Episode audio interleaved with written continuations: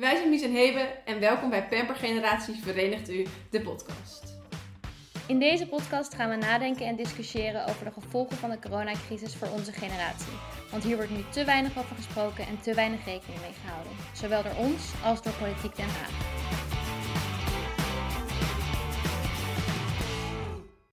Nou, aflevering 3. Onderwerp van deze aflevering is mentale gezondheid. Yes. Nou, gaan we maar beginnen met de klappers. Ja, nou even toe maar. Ja. Ehm, ik denk dat dit, dat veel mensen dit misschien niet zo interessant vinden, maar ik vind het wel belangrijk. En het is ook gewoon belangrijk. Dus ik ga het toch, toch als klapper gebruiken. En dat is dat ehm, Polen en Hongarije hun hebben aangekondigd dat ze hun veto-recht gaan gebruiken. In de stemming over de goedkeuring van het coronafonds en de meerjarenbegroting van de EU.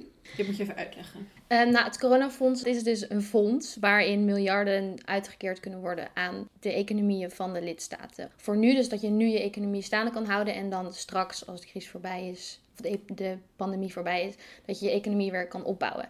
En een meerjarenbegroting, dat is gewoon, net als dat we in Nederland voor elk jaar een begroting hebben, is voor de EU een zeven jaar begroting. En daarin staat gewoon hoeveel geld naar wat gaat. Maar er is dus bedacht dat om geld te kunnen krijgen uit die meerjarenbegroting, moet je aan de principes van de rechtsstaat voldoen. En rechtsstaat is, is bijvoorbeeld onafhankelijke rechtspraak, onafhankelijke vrije pers, vrije verkiezingen, dat burgers bepaalde rechten hebben waardoor ze beschermd worden tegen de overheid. Dat soort dingen. Um, nou ja, Polen en Hongarije zien de bui al hangen, want daar zijn ze de rechtsstaat aan het schenden. Um, en daarom willen ze dus een stokje versteken voor, voor die regel van je moet aan de principes van de rechtsstaat voldoen om geld te krijgen. Ja. En het coronafonds en de meerjarenbegroting wordt pas goedgekeurd als elke lidstaat er mee eens is. Als, dus als één... één iemand zegt, je bent er niet mee eens, dan houdt het gewoon op. Precies. En als Polen en Hongarije dus doorgaan met dat veto gebruiken, dan is de kans heel groot dat er gewoon geen geld, of in ieder geval heel veel minder geld, beschikbaar komt voor lidstaten om de economie te ondersteunen nu en straks weer op te bouwen. En dat is gewoon best wel zorgelijk. Maar eigenlijk kun je dus, valt er dus niet samen te werken met dit soort landen. Ja, dat denk ik dus ook. Eigenlijk kun je dus gewoon niet dit soort landen in de EU of in de Nee, en het is wel, voordat je als land de EU mag betreden, dan moet je voldoen aan eisen. En dat deden ze ook toen ze, ja. toen ze binnentraden. Maar sindsdien... Maar kun je daar dan nu nog wat mee? Ik, ben er niet, ik weet het niet helemaal precies. Maar volgens mij hebben ze gewoon weer niet goed van tevoren bedacht... wat doen we met een lidstaat wanneer het achteruit gaat. Ja, ja dat is echt wel kut. En daar de gevolgen zijn voor ons allemaal daarvan. Dat is wel... Uh... Oké, nu jij. Uh, mijn corona-klapper van de week is van ander niveau. Het is eigenlijk dat ik echt heel erg tot de conclusie ben gekomen dat ik ontzettend verslonst ben. en als ik ergens een bloedhekel aan heb, is het wanneer mensen verslonsen door gemakzucht. En dat is gewoon precies wat er bij mij is. Ik moet wel zeggen dat iedere keer als ik bij jou langskom, dat jij een joggingpak aan ja, hebt inderdaad. Ja, dat is ook gewoon zo. Ja, en dat is echt En, en dan is je haar weer in de droge shampoo. En als je dan even naar buiten gaat, dan doe je even een pet op. ik, ik zeik gewoon mijn hele leven op mensen die dit doen. En dan denk ik van, ja, kom op, ga even met je luie harsjes onder de douche staan. En trek even wat normaals aan. Maar ja, ook ik ben gezwicht. En dat vind ik gewoon stom, want ik heb me zoals vandaag gewoon, dacht ik, oké, ik ga nu gewoon even normale kleren aandoen en me gewoon opmaken. En even doen alsof, uh, ik, een, uh, alsof ik wel uh, iets heb om me normaal voor aan te kleden. En, want je voelt je ook gewoon beter en chiller en het is gewoon Ja, niet... merk je dat? op de korte termijn niet. Het boeit mij echt geen zak als ik naar de Albert Heijn ga en eruit zie als een zwerver. Maar... Mm -hmm op de lange termijn merk ik gewoon dat ik een beetje mijn stijl aan het verliezen ben. Dat ik denk, dat ik denk van, ik heb helemaal geen, geen leuke outfits meer aan. Ik... ja, dat heb je zelf in de hand. Misschien ja, dat is dit een goede wake-up call Ja, dit is een goede wake-up call. Ik ga gewoon er even nadenken van, oké, wat zijn leuke outfits die ik kan maken wat niet bestaat uit een joggingpak. En, um, want op zich, het ziet dat er niet walgelijk uit, maar wel gewoon heel slonzig. En het, dat slaat gewoon nergens op. Dus ik, moet, ik ga gewoon weer even goed voor mezelf zorgen. En zorgen dat ik er normaal en leuk uitzie. Nou, dat vind ik een heel goed voornemen voor jou. Wat een openbaring. Ja. Alright, ehm, gaan we nu naar het onderwerp. Ja, door het onderwerp van de week. Nou, zoals net al genoemd, mentale gezondheid. Ja, En hey, wat heb jij eh, daarover geresearched? ik heb geresearched, heel diep geresearched. Ik heb een NRC-interview met Bouke Koekoek. Sorry? Bouke Koekoek. Oh, Hij is lector onbegrepen gedrag en samenleving en crisisverpleegkundige. En een crisisverpleegkundige is dus verpleegkundige binnen de psychiatrie, als er dus een crisisgeval is. Hm. Zijn punt is, corona is een maatschappelijke crisis waar iedereen mee te maken heeft, maar dat betekent niet dat we nu allemaal psychische stoornissen krijgen. We zitten ook in een uitzonderlijke situatie. We zijn bang en angstig door corona, maar heb je dan een angststoornis? Je slecht voelen door corona is niet hetzelfde als een psychische stoornis ontwikkelen in het gewone leven. Dit is van een andere voorbijgaande aard. Ik denk dus dat het goed is om een soort onderscheid te maken tussen echt psychische stoornissen en wat de meeste van ons jongeren nu ervaart als een verandering in je gemoedstoestand. Zodra- die lockdown voorbij is, dan zijn deze omstandigheden voorbij en kunnen we weer normaal leven leiden. Nou, het onderzoek wat ik, waar, waar of het, het paper waar ik het nu over heb, is de Psychological Impact of Quarantine and How to Reduce It, Rapid Review of the Evidence. Dus daarin zijn, ze, zijn onderzoekers gaan kijken naar de onderzoeken die op dit moment bestaan ehm, en wat daaruit een beetje de hoofdconclusies Mhm. zijn. Ehm, en de meeste studies tonen dus aan dat quarantaine negatieve psychologische effecten veroorzaakt. Zoals dus Ah. PTSS, verwarring, woede. Best wel op de lange termijn ook. Maar ze zeggen, je kunt dit verminderen ehm, door eigenlijk wat jij ook hebt gezegd in de eerste aflevering over communicatie van de overheid. Door dus heel duidelijk te zijn wat er van je verwacht wordt. En En ook door, denk ik, ook door perspectief te bieden. ja, zeker. En dat heb ik in meerdere onderzoeken teruggelezen, dat het super belangrijk is om dus transparant te zijn over de afwegingen die je maakt. Ja, Dat schijnt in het algemeen die ehm, openheid bieden en die transparantie bieden over de afwegingen, dat dat gewoon echt heel belangrijk is voor het creëren van draagvlak en voor want er valt heel veel zekerheid valt weg.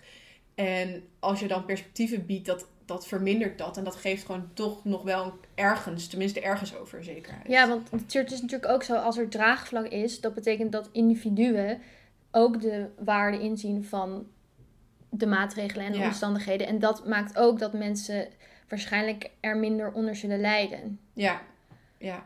En hoe zit dat, hoe ervaar jij dat? Want ik, heb, ik voel wel een heel erg een verschil tussen nu en in het voorjaar. Toen ervoer ik heel erg dat ik in één context was. En gewoon iedere dag was hetzelfde. En daar, ik miste heel erg dat ik in, op verschillende plekken was. Waar verschillende dingen van mij gevraagd werden. Vooral sociaal gezien.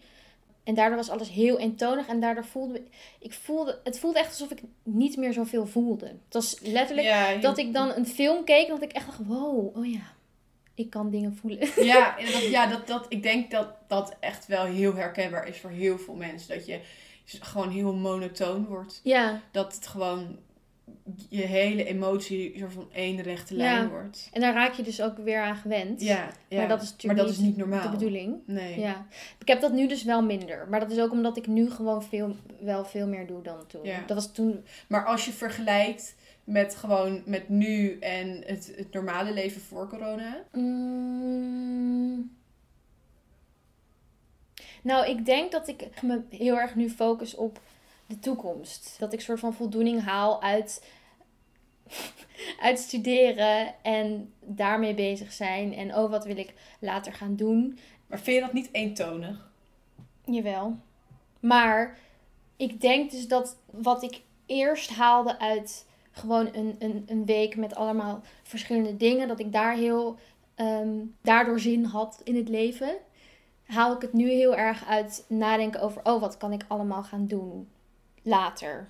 Ja, ja. Nou ja, Snap je wat ik bedoel? nog te bezien. Ja, oké. Maar, Nee, dat, ik maar een soort, ja. dat je een soort, toch een soort van ehm, purpose Ja, ja, ja. eruit haalt. Oké, maar dus zo. dat perspectief heb jij wel heel erg. Ja, Dat je wel echt denkt dat het wel allemaal goed komt. Ja, oké. Ja, ja. Dat, maar ja, ik denk dat dat voor jou wel ook wel anders is dan bijvoorbeeld voor mij. Hoezo? Je hebt toch ook dat je denkt, oh, ik wil volgend jaar eh, deze master doen? Of... Jij wel, ja. Maar ik mis wel heel veel dingen wat er normaal niet was. Ja. Omdat vind ik wel gewoon, nou wat ik dus vorige week ook in de podcast zei, was dat ik gewoon dacht, jeetje, wat is mijn leven saai geworden? Hoe kan het dat ik zo saai ben geworden? Terwijl ik ben, ik ben, ja oké, ik ben dus wel saai geworden, maar daar kan ik eigenlijk niks aan doen. Ehm, Want deze situatie is gewoon kut. Ehm, dus de dingen, dus dingen als uitgaan en uit eten gaan en heel veel sociale dingen, Ja. dat, dat is er nu niet. En dat mis ik echt heel erg. Oh, en wat, wat ik wel echt heel erg mis, is dat je echt diepe gevoelens hebt. Dat je echt, bijvoorbeeld, nou ja, soms met uitgaan of, of op een festival je- soms heb je echt zo'n gevoel van euforie. Ja, dat je zo intens gelukkig Ja. bent op dat moment. Nou, dat, dat, Of dat je je gewoon echt super kut voelt. Ja. Nu is alles gewoon wel leuk. Ook. Of gewoon ja, ook. gewoon even kut. Maar eh, het is inderdaad... maar je, ja, je ervaart, het is gewoon beetje plat. Ja, het is plat. En ik denk dat dat... eh, Vooral- de, de leeftijd waarin wij nu zitten... is wel een fase waarin je je heel erg ontwikkelt... en Ja. heel erg jezelf tekent voor de rest van je leven. Ik bedoel, je ziet toch nog steeds wel eens van die mensen van 70... die van die hysterische eh, jaren 90 kapsels hadden. Ja, die zijn... Nee, mensen van, eh, zijn dan niet 70. Maar Nou, hoe- je ziet toch wel eens mensen van, van, van eh, weet ik veel, 50 of zo, die nog steeds van die hysterische jaren 90 kapsels hadden. Ja, Ja, die, je wordt gewoon gevormd Ja, in waar. deze periode van je leven. En als je gevormd wordt door zo weinig sociale dingen, door alleen maar door restricties en door alleen maar dezelfde mensen spreken, ik denk dat dat, dat ook afdoet. Dit is een onderbuikgevoel, totaal niet ergens op gebaseerd. dat dat ook wel afdoet aan je sociale vaardigheden. Vooral als je je er niet bewust van bent. Ja, precies. En stel je komt dan in één keer, ehm, ga je studeren en dan heb je ofwel één jaartje college gehad of überhaupt niet college gehad bijvoorbeeld. En dan ga je aan het werk en dan moet je in één keer allemaal nieuwe collega's ontmoeten en jezelf een beetje leuk profileren. Hoe de fuck ga je dat doen als jij alleen maar gewoon elke dag, de hele dag achter je kutlaptop hebt gezeten? hè? Ja, oké, maar ik denk dat dit wel... Kijk, als dit drie jaar zou duren, is dat... Oké, dit is natuurlijk heel zwart weer. als er volgend jaar, als je volgend jaar gewoon weer les kan hebben, dan is dat... Ja, maar ja, dat, ja, ik denk wel dat, dat, het- dat deze, nou ja, hoe we het net eigenlijk noemen, de platheid van, Ja. van gevoelens en activiteiten en dergelijke, dat dat echt wel van invloed is. Ja, ik denk... En afdoet aan je vaardigheden en aan wat je normaal vindt. Ja, En- sowieso. En dat je dan misschien ook jezelf minder gaat uitdagen later. Het is juist nu, als je jong bent, dan is het juist de tijd om nieuwe dingen uit te proberen. En ik denk dus als je dat nu doet en kan doen, dat je dan leert van, oh, ik ben eigenlijk tot heel veel in staat. En ik kan gewoon dingen proberen en dat komt wel goed. Dat je dat de rest van je leven meedraagt. Ja. Maar als je die kans niet hebt om dat nu te doen, dan vind je dat prima waarschijnlijk. Ja, en dan ja. ga je een beetje zo door. Maar goed, nu dwalen we een beetje af van eh, het eigenlijke onderwerp. Heb jij nog... Jij hebt... Nou ja, ik heb ehm, de brandbrief van de GGZ gelezen. Oh ja, wat is en dat? daar even.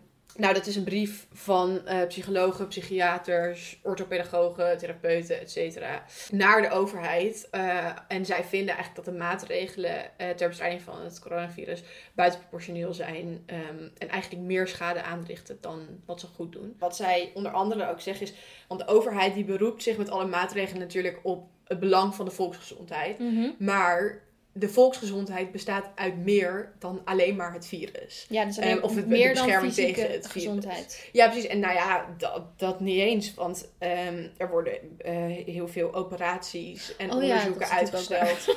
ehm, wat ook fysiek is, Ja. maar geen corona. Dus er wordt heel erg een keuze gemaakt om prioriteit te geven aan corona boven andere dingen. Ik denk dat, nou ja, ik heb te weinig medische kennis om hier wat over te zeggen. Maar ik denk dat het dus daar, dat de mensen die wel die medische kennis hebben, dat het heel belangrijk is dat zij uitleggen waarom kiezen we ervoor om zoveel prioriteit te Mm. geven aan coronapatiënten en niet aan andere patiënten. En dat gaat dus over echt fysiek. Maar het is dan ook weer een keuze om dus die mentale gezondheid ehm, eigenlijk daar niet echt bij te betrekken. Ja. Want de maatregelen zijn niet voor de volksgezondheid. Want de maatregelen zijn voor de, nou ja, om maar even zo te noemen, coronagezondheid. Er, valt veel, er is veel meer Ja. binnen volksgezondheid. Ehm, en dat is dus wel een keuze. Want je kan ook kiezen voor mentale gezondheid en, en andere ziekten of risico's. Mhm. Ehm, Ja, dat is een keuze. Er wordt heel erg gedaan alsof het logisch is dat dat als prioriteit wordt genomen. Terwijl het is een politieke keuze. Ja. Ja. Alleen, Je hoeft niet, en ik zeg helemaal niet dat je nu moet doen alsof corona niet bestaat en, en lekker door kunt gaan zoals we dat altijd deden. Maar er is ook een tussenweg mogelijk. En je moet die keuzes ook uitleggen van waarom leggen we nu alle focus op Ja. corona en niet op andere dingen. Zoals mentale gezondheid. vooral nu het langer duurt. Ja, ja, want uit onderzoek van, eh you know, in samenwerking met Universiteit Twente, blijkt ook dat jongeren zich twee keer vaker eenzamer voelen dan ouderen. Dus het is ook wel echt een, een probleem wat, wat zich echt wel richt op, eh, Jongeren. op jongeren. Dat is ook logisch, omdat je in jouw jonge jaren ben je veel meer gefocust op je sociale leven en op je vrienden dan wanneer je ouder bent. En dat valt nu allemaal weg.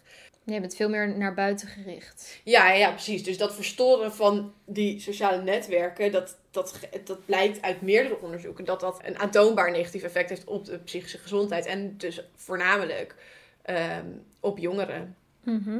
En ja, we moeten, dus, nou, ja, dus wat jij net ook zegt, we moeten onderscheid maken tussen mensen met echt psychische stoornissen en de meeste mensen waarbij het psychisch wat minder gaat, maar die niet direct een stoornis hebben. En, maar dat betekent niet dat je die laatste groep ehm, moet onderschatten Mhm. eh, en over het hoofd moet zien. Want dat is denk ik wel wat er nu gebeurt. Ja, ja maar de, oor, de hoofdoorzaak van die klachten die wij hebben zijn de maatregelen. Dus lijkt mij dat de oplossing daarvoor is an, andere maatregelen. Ja. Maar Maar, Maar- dus- maar ik snap ja, wel- ook de inrichting, de, de, weer dus communicatie van de maatregelen, door perspectief te bieden.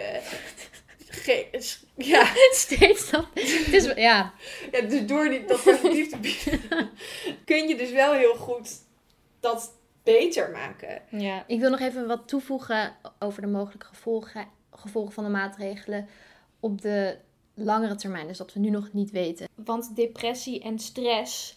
Ik bedoel, in, tij- in tijden van economische crisis neemt het aantal zelfmoorden bijvoorbeeld ook toe. En ik denk dus dat, dat je Er wordt ook. een toename van 25% verwacht. Serieus? Oh my god. Ja. Maar dus, het gaat niet alleen om de maatregelen waardoor we nu een, mi- een minder kunnen. Het gaat ook over de gevolgen van de maatregelen op de economie. Dus op banen, baanperspectief. ehm, of min- minder inkomen hebt, geen stage kan vinden. Waar, waardoor je dus stress gaat krijgen. Ja, veel en mensen stress gaan krijgen. Ik denk dat dat ook heel belangrijk is. Om daarover na te denken. Ja, want al die, alle gevolgen van de maatregelen, of dat, en dat gaat dus inderdaad over perspectief op, op studie, op eh, baankansen, ehm, je huis, best wel een beetje basale dingen in je leven, dat dat allemaal leidt tot extra onzekerheid. En dat Mhm. komt dus weer terug in die mentale gezondheid. Ja. En daar, Dus dan, kan, dus dan kan deze pandemie misschien wel op een gegeven moment voorbij zijn. Maar dat betekent niet dat de gevolgen daarvan ook voorbij zijn Ja. voor de mentale gezondheid. ja, Want dit zijn echt fundamentele dingen. Waar die gewoon belangrijk zijn dat je dat stabiel hebt in leven. Als je dat niet hebt, dan, dan dat heeft wel echt veel gevolgen, denk ik, voor je welzijn. Oké, maar dus laten we even ehm, Eindconclusie. een eindconclusie maken. Wat zijn nou de gevolgen voor ons precies? Mentaal. Op, op dit moment dat we veel vlakker zijn in, ja, in, dat we veel vlakker ervaring. zijn. En dat je veel meer gebonden bent aan wat je al kent qua mensen Ja. en plekken. En dat dat je Geen- minder uitdaging. ja, minder uitdagingen. En wij denken dat dat je heel erg vormt. Vooral in voor deze de rest ja, van je leven. Deze, ja, Nou ja, en hoe kunnen we dit verminderen? Door dus weer meer vrijheid te krijgen. ja, en perspectief te bieden. En perspectief, ja. En transparant te zijn over de afwegingen die gemaakt worden. Ja. Dus ehm, Ja, dat is hard nodig. ja, dat denk ik ook. Dus doe het. Doe het, kabinet. Luister naar ons. Oké, nou gaan we nu door naar de gast. En de gast van deze week is Levi van Dam. En hij is orthopedagoog en hij is onderzoeker, wetenschapper, geleerd aan de UvA. En hij heeft een onderzoek gedaan naar de effecten van de coronamaatregelen en de crisis over het algemeen op de levens van jongeren, hoe zij dat ervaren. En hij heeft ook advies aan de overheid gegeven.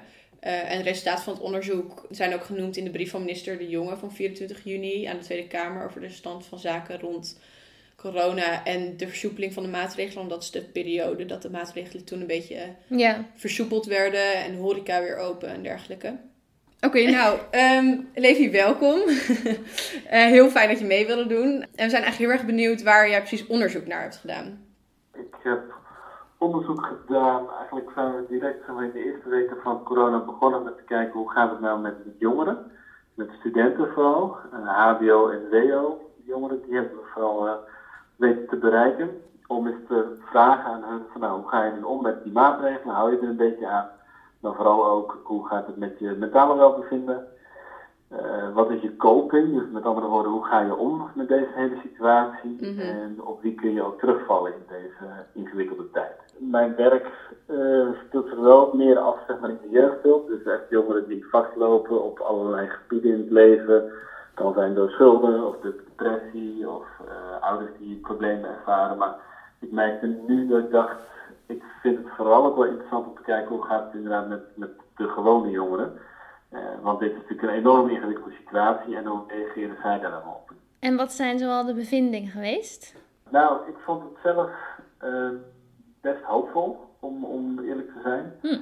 Eh, wat wij zagen is, eh, er werd toen ook al, en eigenlijk nog steeds, al heel snel geroepen, ja, jongeren houden zich allemaal niet aan die maatregelen, en het schiet niet op, en eh, Ja. ja, een deel van de verspreiding komt vast door hen. Nou, in ons onderzoek en ook van collega's uit Italië en Duitsland komt eigenlijk iedere keer naar voren dat de meeste jongeren die houden zich er echt wel aan.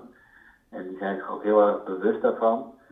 Wat wel ook duidelijk naar voren komt is dat hoe meer zeg maar, je in kunt leveren, dus jongeren die bijvoorbeeld zeggen van ja, ik heb wel een opa of een oma of een, eh, een oudere buurman, wa- waardoor ik begrijp dat deze maatregelen belangrijk zijn, dat die ook beter in staat zijn om zich aan te houden. Ja. Eh, en dat we ook zagen dat jongeren die ja, een vertrouwd iemand hebben naar wie ze toe kunnen voor nou ja, zeg maar, raad en advies naast hun ouders, dat dat ook wel helpt om je ja, beter te verplaatsen in diegene, maar dus ook om een beetje je verhaal kwijt te kunnen. Mhm, ja. Ja, het idee daarachter is ook dat het komt omdat, nou, het is zeg maar, het gaat over de leeftijdsfase 16 tot 24, dus dan moet je ook een beetje afzetten van je ouders, dat is zeg maar heel gezond. Eh, en nu kom je in een situatie te zitten waar je soms op elkaars lip zit, Ja, precies. eh, of van je ouders hoort je moet je eraan houden, maar denk ja later, dat is wel het laatste wat ik ga doen. En als iemand anders dat dan vertelt, in wie je wel vertrouwen hebt, een sportcoach of een buurman of een oom, dat dat wel helpt om je ook, nou ja, enigszins te denken, nou oké, misschien een goed punt en eh, ga ik doen.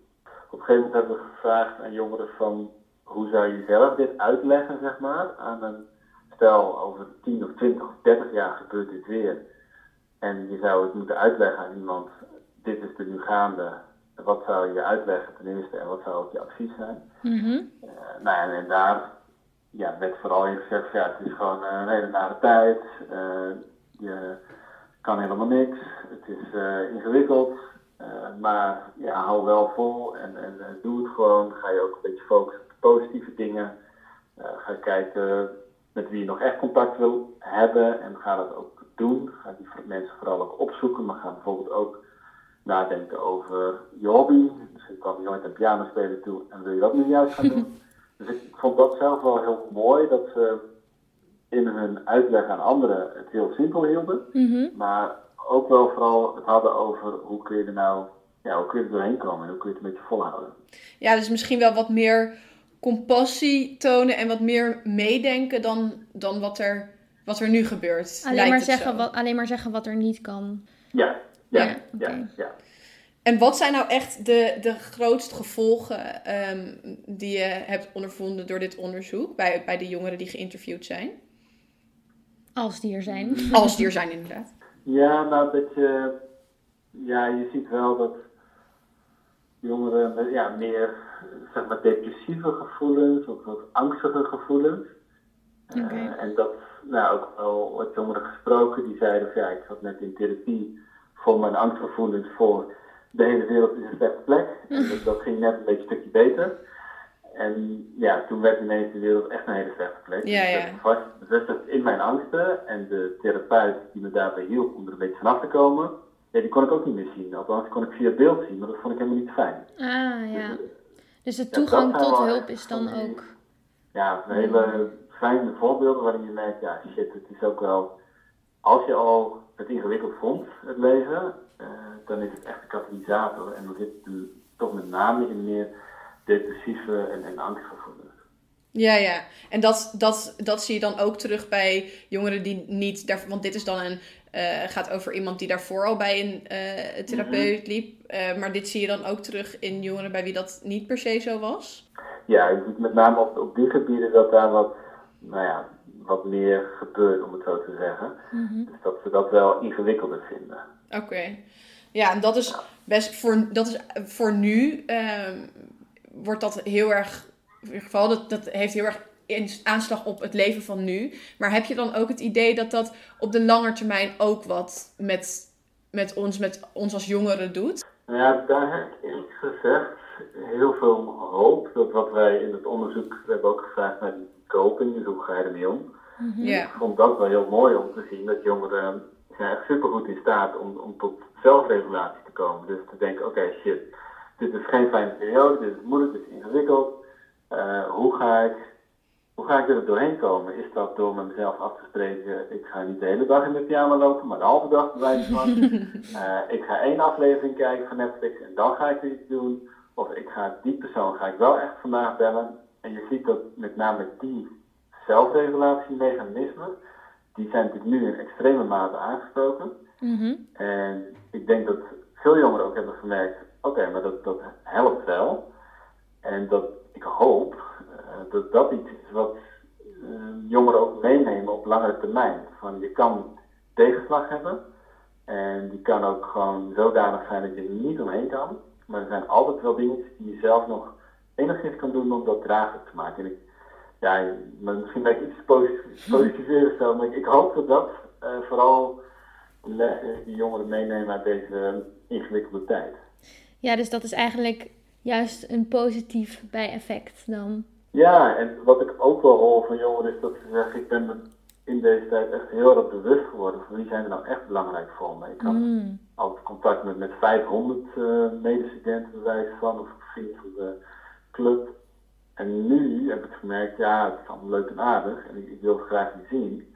Maar als het echt ingewikkeld is, dan zijn het deze drie tot vijf mensen. En dat daar ook wat meer waardering voor is, ik denk dat dat in zichzelf, ja, dat dat heel positief is. Ja, het is wel grappig, eigenlijk wel, nou ja, grappig, eh, opvallend dat, dat het eigenlijk uit dit onderzoek blijkt dat het toch wel eh, omgezet kan worden in wel iets heel positiefs. Ehm, zeker op de lange termijn. En dat je eigenlijk door die strijd daar wel een beetje beter uitkomt. Ik denk dat dat misschien, is dat de juiste conclusie die we kunnen trekken? Het is denk ik vooral een hoop hoor. Dus ik, ik zou niet durven zeggen van eh, dat, het gaat zo worden. Want dat, dat, dat weten we gewoon niet. Nee, nee. Eh, maar het is wel dat ik, als ik veel jongeren spreek, die zijn wel heel reëel over. Dit is gewoon echt een nare periode en, en dit moeten we niet, even als het kan, niet nog een keer meemaken. Maar er zijn toch ook wel heel veel inzichten die ze hebben opgedaan. En iedereen is er klaar mee, dat is ook allemaal duidelijk. Ja. Ehm, maar als je eventjes met elkaar achterover zit en, en uitzoomt, dan hoor ik juist ook wel dit soort reflecties terug. En ik denk, dat is, dat is natuurlijk uniek, hè? Dat, dat, dat een hele generatie dat nu gaat meemaken en aan het meemaken is, dat in zichzelf is, is, ja, is niet eerder gebeurd. Dus ik, ik ben, in die zin denk ik dat het wellicht ook een enorme bewustzijn kan meegeven aan deze generatie jongeren van ja, daar heb je zelf regie in, maar ook wat ben je als, ja, als, als samenleving toe in staat en hoe kun je elkaar ondersteunen, welke verantwoordelijkheid heb je voor elkaar. Ja, dat collectief bewustzijn wat ineens aangezet, wat, wat de hele tijd niet meer aanstond. Ja, precies. Dat is inderdaad wel bijzonder. Want voorheen was iedereen denk ik veel een stuk individualistischer. En het is toch wel bijzonder en zeker opvallend dat een hele generatie zich dan toch op dezelfde manier lijkt te ontwikkelen in deze situatie. Maar ik heb, Ja, ik heb wel ja. het idee dat het in het voorjaar anders was dan dat het nu is. Dat die saamhorigheid, dat dat in het voorjaar echt heel sterk was, maar dat dat nu wel een, be- Mhm. een beetje begint af te nemen. Nee, helemaal mee eens hoor. Dat, ja, in het voorjaar merk ik ook een soort van druisende energie en, en allerlei initiatieven en, en superveel jongere initiatieven ook, eh, die ontstonden. En ja, je merkt ook gewoon, iedereen is nu moe. Uh, het is sowieso het najaar, dus het is niet het voorjaar. Ja. Dus het is ook wel echt een stuk lastiger. Uh, maar het is wel een ervaring die we met z'n allen hebben opgedaan. En ja, die, die neem je ook niet meer weg. Dus ik ja, dat is zeker waar. Hoopvol, hoopvol gesteld. Ja. Ja. Ja, dus, ja, nou, best, ja, best wel um, leuk eigenlijk dat, dat, of nou ja, ja, leuk, best wel goed dat dat er in ieder geval zo op, voor nu uit lijkt te komen. En het valt allemaal nog te bezien hoe dat in de toekomst zal gaan. Um, maar wel, voor nu stemt dat wel positief, want dat is wel, ik, ieder, ik denk dat jongeren toch wel, als we om, zelf om ons heen kijken, dat ze er wel snel misschien negatief in staan. Dat iedereen toch inderdaad wel klaagt van ja, wanneer is het nou, wanneer is het nou klaar? Mhm. En dus dat dat, maar als je er wat dieper over nadenkt, bij, als iedereen bij zichzelf er wat dieper over nadenkt, dat dat dan toch wel meevalt, die neerslachtigheid. Ik weet niet hoe jullie dat ervaren, maar het is ook gewoon super goed dat, dat, je, dat je eruit, dat het gewoon naar is, dat je mee klaar bent, niet leuk is. En, en dat, dat in zichzelf is heel gezond. Dat je mhm. dat tegen elkaar zegt, met elkaar deelt. Maar dat wil niet zeggen dat het, uh, ja, dat, dat het dan ook is en dat het daarbij blijft. En ik denk dat, daar, nou ja, dat we daar soms misschien uh, iets te kortzichtig in zijn. En wellicht ook wat, nou ja, wat vaker, ook juist bij jongeren daarna kunnen vragen van oké, maar als je een tandje verder kijkt of, of iets meer zoekt bij jezelf, wat, wat vind je dan? In plaats van alleen maar frustratie over dat het zo is. Want en die is er natuurlijk en die is gewoon terecht. Ja, ja, klopt. Ja, ja. Over dat aanpassen. Want wij dachten van dat is eigenlijk misschien juist niet iets goeds omdat je je heel erg aanpast aan die restricties en dat je dan een beetje zo teruggetrokken raakt. Terwijl wat jij nu vertelt is dat, je, dat, er, dat veel jongeren dus ook juist manieren bedenken om er wel mee om te kunnen gaan. Ja.